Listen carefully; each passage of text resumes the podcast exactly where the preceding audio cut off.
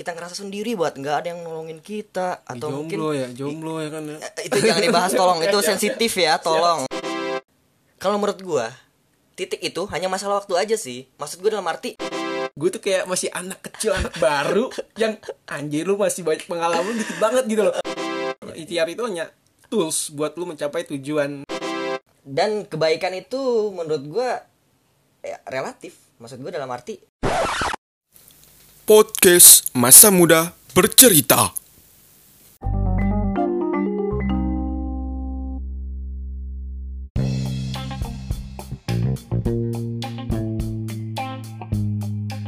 Assalamualaikum warahmatullahi wabarakatuh. Kembali lagi di podcast Masa Muda Bercerita. Gua Anoval Syuhada dan kali ini gua lagi collab nih Lagi featuring sama abang kelas gua dulu di mana. Ayo kita silahkan kita panggil, kita perkenalkan. Silahkan kak oke eh, jadi nama gua itu Hasan Kamal.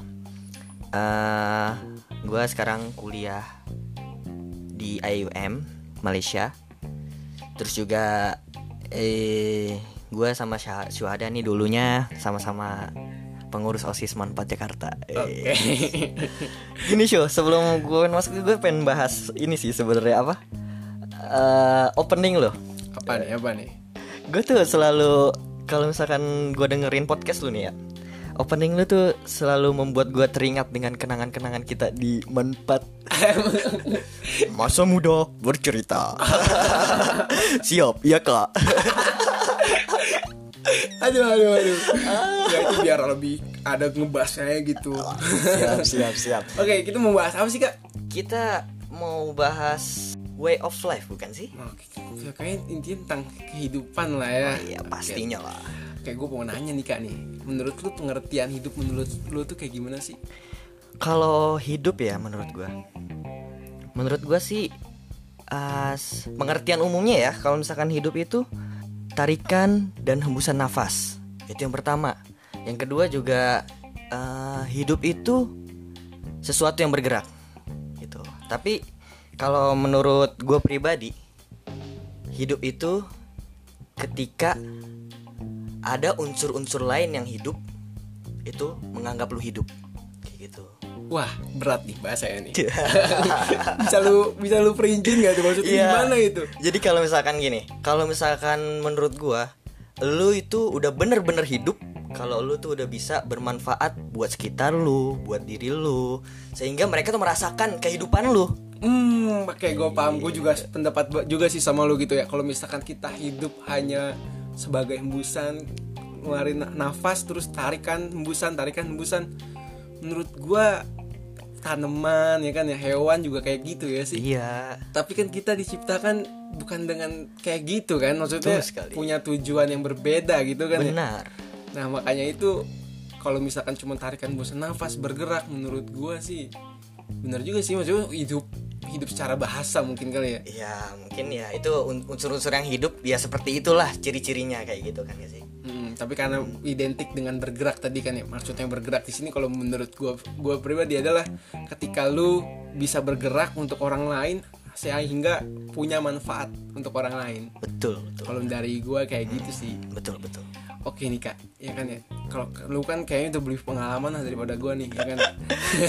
Satu tahun doang. Iya, maksudnya ya nggak apa-apa lah pasti nih kayak namanya dalam kehidupan itu pasti punya problem lah punya masalah punya problematika gitu kan ya bagaimana sih yang lu hemat lu nih dalam pengertian problematika kehidupan terus bagaimana cara menyikapinya cara keluarnya mungkin lu punya pengalaman-pengalaman yang bisa lu share di sini Menyikapi problematika kehidupan ya. hmm. Oke.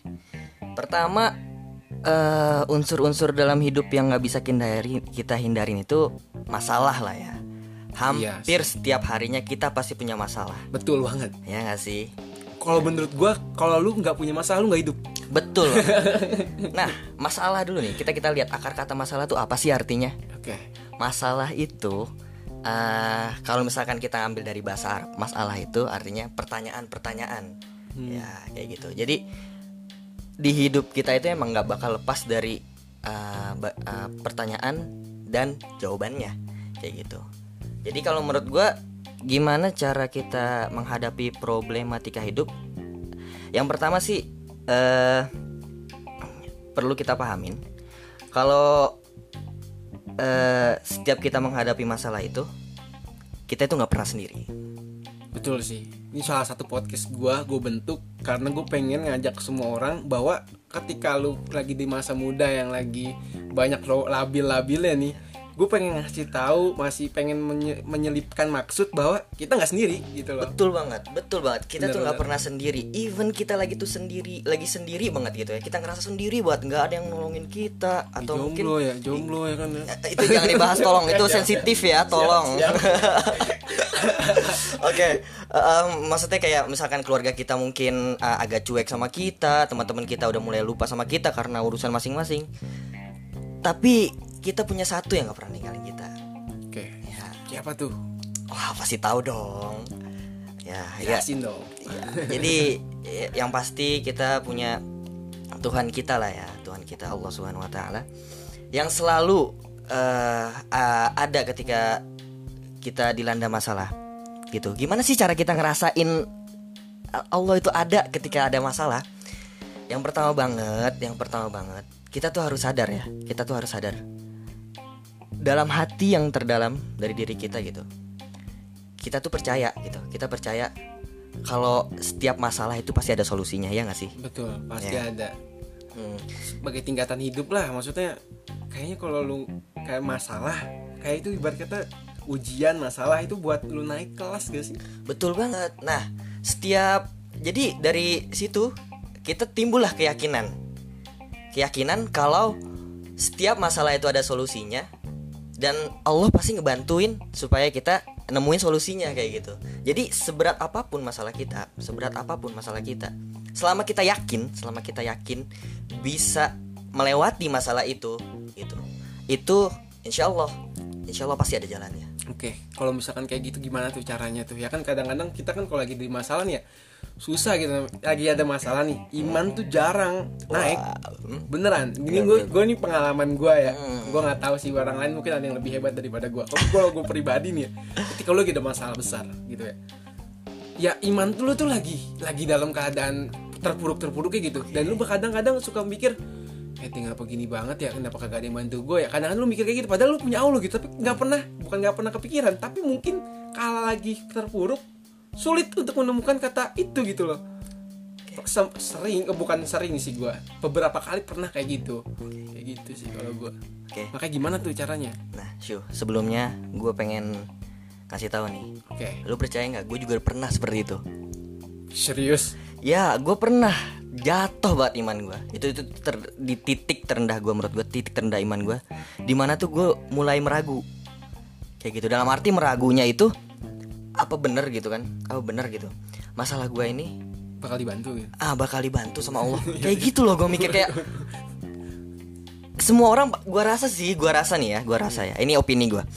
Semua orang pasti akan merasakan eh, di titik itu sih. Seberapa kuat pun imannya gitu seberapa kuat pun imannya. Dia pasti merasakan di titik di mana dia ragu dalam sama keyakinannya gitu. Tapi tapi tapi kalau menurut gua titik itu hanya masalah waktu aja sih. Maksud gue dalam arti ketika lu udah mulai melewatinya ketika lu udah mulai ngedapetin uh, sesuatu yang ngebuka mata lu kalau misalkan masalah itu bakal selesai lu pasti kayak ngerasa oh anjir kenapa gua pernah ngerasa kayak gini gitu. Pernah kenapa gue pernah ngeragu gitu. Padahal ya janji Allah tuh bener gitu. Janji Allah tuh selalu be- apa bersama membersamai langkah-langkah kita ngomong-ngomong tadi nih gue sempat baca buku. Ya, ya kan ya. Gua baca buku ini ini bukan gue gue kutu buku ya gue cuma baca buku terus gue eh sempet baca buku isi kayak gini. Ini kalau nggak salah dari filos filosof Arab apa orang bijak Arab gitu gue lupa. Pokoknya dia ngomong kayak gini eh dulu saya menang menangisi hidup saya. Oke. cuma sekarang saya hidup menangisi ken- eh, apa yang saya tangisi dulu gitu loh. Maksudnya dulu saya menangisi masalah-masalah hidup saya gitu loh Eh, sekarang saya menangisi hal yang dulu saya tangisin gitu kenapa iya, saya iya, sampai kenapa saya nangis gitu ya? Iya. Padahal Allah ada ini, Allah selalu apa menepati janji-janjinya gitu kan. Karena lagi down gitu, jadi ngerasa kayak aduh gue nangis gitu kan karena aduh nggak nggak bisa kayaknya gue nyelesain masalah ini kayak gitu ya. Iya, iya. Dan gue juga pernah dengar cerita. Jadi ini dari uh, ulama Mesir ya, ulama Mesir. Namanya nama beliau itu Mahmud Abbas Al Aqad. Ya. Jadi uh, beliau ini dosen dulu Dosen. di uh, tahun 90-an. Dia tahun 9 eh tahun uh, 1000 abad ke-19 dosen di Mesir.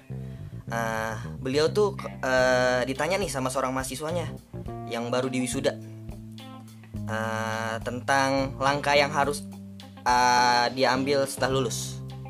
Langkah apa yang harus diambil setelah lulus? Mahasiswanya nanya kayak gitu. Nah terus uh, Jadi gue juga baru mau lulus nih. Ini makanya cocok banget nih buat lu nih. Nah, Abbas Alakot itu menjawab, nah, teruslah berjalan dan berjalan. Jangan berhenti berjalan. Kalau perjalanan meletihkanmu, maka duduklah. Bila engkau duduk, lihatlah ke belakangmu. Apa yang telah engkau lakukan dan apa pula yang telah engkau persembahkan. Aduh berat. Gue udah ngakuin apa ya? Ya, itu tuh ketika itu biasanya titik di mana ketika kita tuh udah ngadepin masalah kan ya. Tek, abis itu kayak wah capek banget kayak aduh gak bisa lagi kayak gue gua gua buat nerusin mimpi-mimpi gue, cita-cita gue dengan gue yang kayak gini kan. Nah, saran-saran dari beliau ini yang yang perlu perlu perlu lu lakuin itu cuma satu. Berhenti, duduk, lihat apa yang udah lu lakuin dan apa yang udah lu persembahin sebelumnya. Oke, setelahnya ini beliau kata nih. Oke. Eh, kalau engkau tidak menemukan sesuatu yang telah engkau hasilkan, maka lanjutkan lagi perjalananmu. Nah, gini, titik di di poin ini eh, beliau tuh negesin kalau misalkan kita nggak berbuat apa-apa di zaman dulu, bukan berarti kita harus berhenti sekarang. Gitu. oke. Karena mungkin kita ngerasa kayak ah gue udah nggak ada apa-apanya, ah gue udah nggak bisa apa-apa, ah udah dengan umur gue kayak gini kayaknya gue kayak kayaknya udah gue mendingan nyerah aja deh. Itu salah. Itu salah. Ma- kalau menurut Billy, kalau menurut beliau, kalau lu belum ngelakuin apa-apa, kalau lu belum mempersembahkan apa-apa, lu tuh harus jalan lagi. Lu mulai lagi dari awal, lu belajar lagi kayak gitu. Oke oke oke. Jadi eh, yang penting tuh lu terus jalan. Nah, itu poin sampai situ. Terus beliau lanjutin nih. Bila engkau letih duduk lagi untuk melakukan introspeksi, eh eh, jangan pernah berhenti bertanya. Apakah engkau telah memilih jalan yang benar? Apakah jalan yang engkau pilih itu dapat menjadikanmu sesuatu yang berarti? Apakah yang kau lalui itu datar atau penuh rintangan? Dan seterusnya. Jadi poin beliau di sini adalah jangan pernah berhenti bertanya. Kembali lagi ke masalah tuh, pertanyaan. Betul betul Ya. pertanyaan. Jadi setiap kita dilanda masalah, kita cari solusinya dan kita yakin, kita yakin kalau masalah kita ini pasti ada jalannya, pasti ada jalan keluarnya. Hmm, oke, gue paham nih. Maksudnya eh, tadi kan jangan pernah berhenti bertanya. Jadi ketika kita udah bener-bener dalam keadaan stuck, kita atau kita dalam keadaan bingung, bener kita harus review masa lalu gitu. Maksudnya apa sih yang udah kita persembahin? Apa sih yang udah gue lakuin gitu loh? Maksudnya hal apa sih? Dan harus ketika lu punya pertanyaan-pertanyaan tadi yang lu sebutin dari beliau, tuh kayaknya akan ada semangat lagi sih yang harus lu oke gue kayaknya nggak bisa nih kalau gue belum bisa jawab pertanyaan ini tanda gue harus terus maju Bener gitu kan. banget, bener banget. Dan kalau misalkan lu udah merasa sekarang misalkan lah contoh umur gua 22, umur lu berapa? dua satu 21 kan terus lu kayak ngerasa di umur 22 ini banyak kegagalan yang lu udah dapetin nah tapi eh, sebenarnya gitu kan umur kita ini umur memulai tau umur merintis ya. di mana apa ya kegagalan-kegagalan itu yang membuat ngebentuk lu supaya lu tuh bisa memulai bisa memulai sesuatu yang baru gitu. Lu menciptakan sesuatu yang baru lu berkarya. Dari mana apa ya orang-orang hebat itu bisa sampai di titik mereka hebat? Ya karena dari kegagalan-kegagalan yang mereka udah lakuin dan mereka jalanin terus gitu. Mereka mengevaluasi dan mereka melanjutkan lagi jalan mereka. Kayak gitu. Oke oke gue juga sempet baca sih ya. Jadi kita nih umur 21 enggak sih 21 nggak gue nggak nggak baca nggak ada 21 ya sih. Antara 23 22 23 24 25 itu gue pernah baca katanya kita tuh kalau dibandingin anak belasan tahun gitu. Kayak gue dipandang adik gue lah contoh adik gue tuh terkagum-kagum gitu. Maksudnya kayak gue dewasa banget gitu kan. Tapi giliran gue dibandingin atau dilihat sama orang yang umur 2 30-an gue tuh kayak masih anak kecil anak baru yang anjir lu masih banyak pengalaman dikit banget gitu loh. Lu udah kayak begini kadang-kadang gue pernah baca itu gitu loh. Nah, maksud gue ya juga sih emang harusnya di umur 20-an ini harusnya kita benar-benar mencari pengalaman pengalaman pengalaman. Kalau untuk mencari pengalaman kayak gitu perlu niat gak sih kan? Wah, nah itu dong. dia. Nah, nah itu dia niat nih. Nah, Hmm. kalau misalkan ya tau lah hadisnya udah udah udah famous banget ya ini ya, yang yang semua apa segala sesuatu itu dimulai dari niat kan. ada kaidah fikihnya juga kan Ah itu baru udah pasti udah tau lah gitu kan. Nah iya kalau menurut gue kayak gini, niat dan keyakinan itu dia jalannya berbarengan. Gitu. Oke. Jadi kalau lu punya keyakinan berarti lu punya niat kayak gitu. Nah eh niat itu tuh menurut gue tuh yang paling penting itu adalah ketulusan.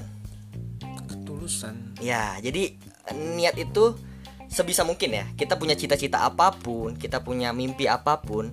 Nah, lu tuh niatinnya tulus, tulus karena untuk uh, mengembangkan diri lu sendiri, lu mengembangkan uh, keluarga lu atau mengembangkan masyarakat, kayak gitu. Jadi niat niatnya dari dari dari apa?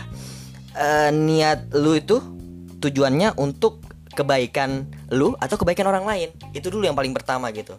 oke oke oke gue paham gue paham terus terus setelah itu kan pasti setelah ada niat keyakinan gitu kan ya gue tuh kadang-kadang atau mungkin beberapa orang juga suka mikir kayak gue punya niat gue punya kemauan tapi kadang-kadang tuh suka gue harus mulai dari mana dulu ya kayak gitu loh sih? Iya iya oke oke. Gua kasih contoh sederhana aja kali ya. Iya, oke. Ah, ah, ah. Jadi gini, eh, contoh lah, misalkan nih, lu pengen jualan, ya, lu Iya, pengen oke. jualan ya, gitu. Nah, di sini supaya niat lu kuat, nah, lu niat lu kuat, lu jangan niatin gua jualan supaya untung. Di situ aja berhenti di situ, jangan, jangan. Kalau eh, saran dari gua, ini saran dari gua. Ini yang gua dapetin dari guru gua ya. Jadi saran dari gua itu, kalau misalkan lu niat jualan, lu niat jualan, hasil penjualannya gitu hasil penjualannya misalkan kayak gini. Gua niat jualan dan nanti hasil penjualannya minimal 25 juta bisa gua sedekahin buat fakir miskin di sekitar gua. Nah kita lihat ni- niatnya di situ. Niat lu supaya lu bermanfaat buat orang lain dan lu juga dapat untung pasti lebih dari 20 juta dong Iya gak sih? Iya sih, kan? iya Kalau misalkan kita lihat dari itu kan minimal 20 juta gitu kan. Iya. Minimal 20 juta atau mungkin minimal 20% persen 20% dari hasil penjualan gua dua- du- 20 Bakal juta gua- bakal gue infakin. Misalkan 20 20% dari hasil penjualan gua 20 juta itu bakal gue infakin ke fakir miskin. Berarti kan eh, hasil penjualan lu untungnya 100 juta. Kayak gitu. Tapi niatnya bukan di 100 jutanya. Niat lu lu tuh mau beramal baik di 20 jutanya ke fakir miskin kayak gitu. Itu eh gua udah pernah ngerasain sendiri itu bakal lebih kuat. Hasilnya bakal lebih kuat karena apa? Karena ya kita itu pada hakikatnya makhluk sosial. Dalam arti oke. ketika kita berbagi kita akan merasakan kebahagiaan. Kayak gitu. Jadi niat kita jadi lebih kuat kayak gitu. Untuk memulai sesuatu. Itu contohnya, Syu. Oke oke oke oke. Oke sama ini juga sih kak. Apa namanya apa ya? Eh setelah udah niat nih ya kan, udah punya tekad, terus segala macam ya. Kadang-kadang yang suka bikin bingung itu kalau gue pribadi ya, menurut lu gimana sih antara ikhtiar sama tawakal gitu loh? Oke. Kadang-kadang itu juga setelah niat kan berarti butuh itu tuh. Antara kita eksekusi atau kita pasrah dulu nih. Ah, benar benar. Mungkin setelah eksekusi baru kita pasrah atau mungkin gimana? Ah, kalau misalkan yang kita pelajarin dari dulu-dulu ya, pasti orang-orang selalu bilang kayak gini. Duit. Nah, gini, eh, ya misalkan lah kita nyari duit gitu kan. Ya pokoknya kita ikhtiar aja dulu, kita berusaha aja dulu. Nah, nanti setelah kita berusaha barulah kita bertawakal. Maksud gue duit itu doa, usaha, ikhtiar, Ah. tawakal. Anjir gua salah paham, kirain gua duit nyari duit. Bukan, bukan. Doa, usaha, ikhtiar, tawakal. Nah, itu kan selalu kita dengar tuh biasanya kalau ceramah-ceramah, doa, usaha, ikhtiar, tawakal. atau ikhlas ya gue lupa ikhtiar itu oh ikhtiar atau ikhlas gitu i gue lupa Iya, makanya usaha sama ikhtiar kan sama iya ya. makanya iya, makanya ikhlas deh Iya pokoknya selalu uh, orang-orang tuh menganggap ikhtiar da baru tawakal. Hmm. Hmm, Tapi menurut pendapat pribadi gua, kita tuh sebelum memulai usaha, sebelum memulai apa pun, ya, even sebelum kita berniat, itu kita harus uh, serahin semua hasilnya itu uh, kepada Allah Subhanahu wa taala. Jadi kalau menurut gua ketika lu bertawakal, lu serahin semuanya hasilnya ke Allah, lu jalannya enak. Ikhtiar lu tuh enak. Jadi kayak udah lu berusaha nih, tek, lu capek, tapi capek lu enak. capek lu tuh karena lu tak lu tahu kalau yang gue lakuin ini untuk Allah subhanahu wa taala yang gue lakuin ini eh gue yakin bermanfaat buat diri gue buat semuanya gitu misalnya atau atau mungkin untuk orang lain kayak gitu Oke, gue juga kalau lu kan tadi itu menurut pribadi lo. Kalau gue ini adalah pengalaman pribadi gue kan. wah ini Jadi itu gue sempet ya. Eh, Tadi gue doa dulu ya kan. Gue doa bener nih doanya. Tapi alhamdulillah gue gak pernah kecewa dalam gue berdoa gitu loh. oh alhamdulillah Eh, ketika gue berdoa, gue usaha dulu nih atau ikhtiar dulu lah. Terus gue tawakal. Nah kadang-kadang nih udah doa, bagus nih doa kan. Pas ikhtiar ini nih yang bikin kadang-kadang kita jadi suka berharap dengan hasil usaha kita. Hmm, Contoh nih, misalkan gue pernah nih dalam suatu satu tahun lalu lah, gue udah berdoa, terus gue ikhtiar. Pas gue ikhtiar, gue gue memandang hasil gue itu pasti hasil, has- eh, karena ikhtiar gue kan. Ternyata udah gue maksimalin, ikhtiar gue udah gue josin lah, gue doain. Ternyata hasilnya nggak sesuai dengan apa yang gue harapin. hmm. Di situ gue sempet kecewa tapi bukan kecewa sama doanya, kecewa sama kenapa gue ikhtiar dulu gitu loh. Maksudnya kenapa gue udah capek-capek ikhtiar nggak nggak nggak nggak sam terus nggak kesampaian gue kecewa sekarang dan gue kecewa ini apa yang gue kecewain ya terus gue itu baru baru baru berusaha ah, gue harus tawakal karena ini udah yang terbaik dari awal dari yang terbaik dari awal. Terus setelah gue ngejalanin kayak gitu apa gue kebalik ya? Gue eh, jadi mikir kayak gitu.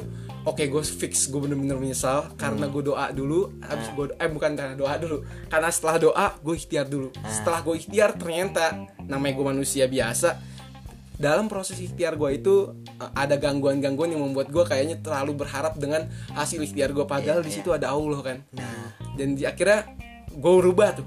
Bikin resolusi lah tahun 2020 oke. Gue ngerubah cara pandang gue ya tadinya gue ikhtiar dulu gue tawakal dulu. Jadi sekarang gue nating dulu sih. Tuh. jadi ketika gue ngejalanin sesuatu gue udah doa terus gue tawakal ya udah ya Allah apa pun hasilnya ya udah ini pokoknya udah yang terbaik dari engkau. Iya jadi ketika gue mandang sesuatu nih ya udahlah emang ini udah gue udah pernah berdoa dan gue udah tawakal apa pun hasilnya gue terima dan beneran rasanya itu lebih lost gak sih? Iya nothing tulus gitu Gitu nggak jadi kayak ya udah gue gue emang berusaha di sini buat diri buat buat Allah dan buat diri gue gitu. Maksudnya dalam arti terlepas dari hasilnya seperti apa gue udah serahin semuanya ke Allah. Iya bener. Itu bener rasanya tuh ini pengalaman pribadi gue ya. Rasanya lu nggak bakal sakit ah, kok jadi sakit hati? Maksud gue emang gini aduh. Maksud gue rasanya tuh nggak bakal kecewa itu Iya. pasti. Dan lu akan lebih sadar bahwa Allah itu yang yang ngatur semua kehidupan ini dan lu itu hanya bermain peran doang ya ya di dunia ini gitu loh. Nggak berhak kita menun apalagi nih eh, terlalu bangga atas hasil ikhtiar kita gitu. Masalah ikhtiar itu hanya tools buat lu mencapai tujuan tapi bukan sebagai sya- syarat sahnya lu mendapatkan tujuan itu kalau menurut gua gitu sih. Iya, iya. oke. Pengalaman yang menarik menurut gue jadi bisa kita dari dari cerita itu juga gue bisa nyontoh sih. Bisa nyontoh dari kalau misalkan kita tawakal dulu tuh kayak wah enak banget sih ngejalan ini. Kayak udah ya udah emang capek emang, emang pasti capek lah. Kalau misalkan nggak capek nggak hidup dong nggak sih? Namanya usaha ya pasti Nah, iya. usaha pasti tuh capek lah ngeluarin energi lah ya kan ya? Tapi tuh capeknya kalau misalkan kayak udah lu udah serahin itu kayak ah ya udah gitu enak gitu kayak ya bernilai. Capek lu tuh bernilai. Emang tempat dunia itu tempat capek sih. Bener banget. Kalau kata Ustadz Adi Hidayat kan kayak gitu. Ah, iya. Dunia itu tempat capek jangan ngeluh di dunia. Iya. nanti istirahat nanti nanti. Ada waktu istirahat nanti nggak akan dibangunin lagi. Bener. Iya. mati. Udah meninggal udah meninggal baru tuh istirahat. Iya oke. Terus untuk kayak gini nih kan ini kan ya. Eh, berarti siapa sih yang harus bagaimana sih lo harus meneladani apa gitu loh kan? Kalau gue sih dari kehidupan ini gue memandang bahwa kita tuh kalau hidup harus meneladani ya Allah karena Allah yang maha hidup ya oke Oke, menurut lu kalau lu gimana nih? Oke, eh, meneladani berarti kita menjalani nilai-nilai yang baik lah untuk eh, seluruh ya untuk diri kita pribadi dan untuk semua orang kayak gitu kan ya. Nah, jadi eh, nilai yang kita harus eh, fokusin itu ialah kita ini hidup di dunia ini harus eh, menjalani nilai-nilai baik yang kita yakini gitu.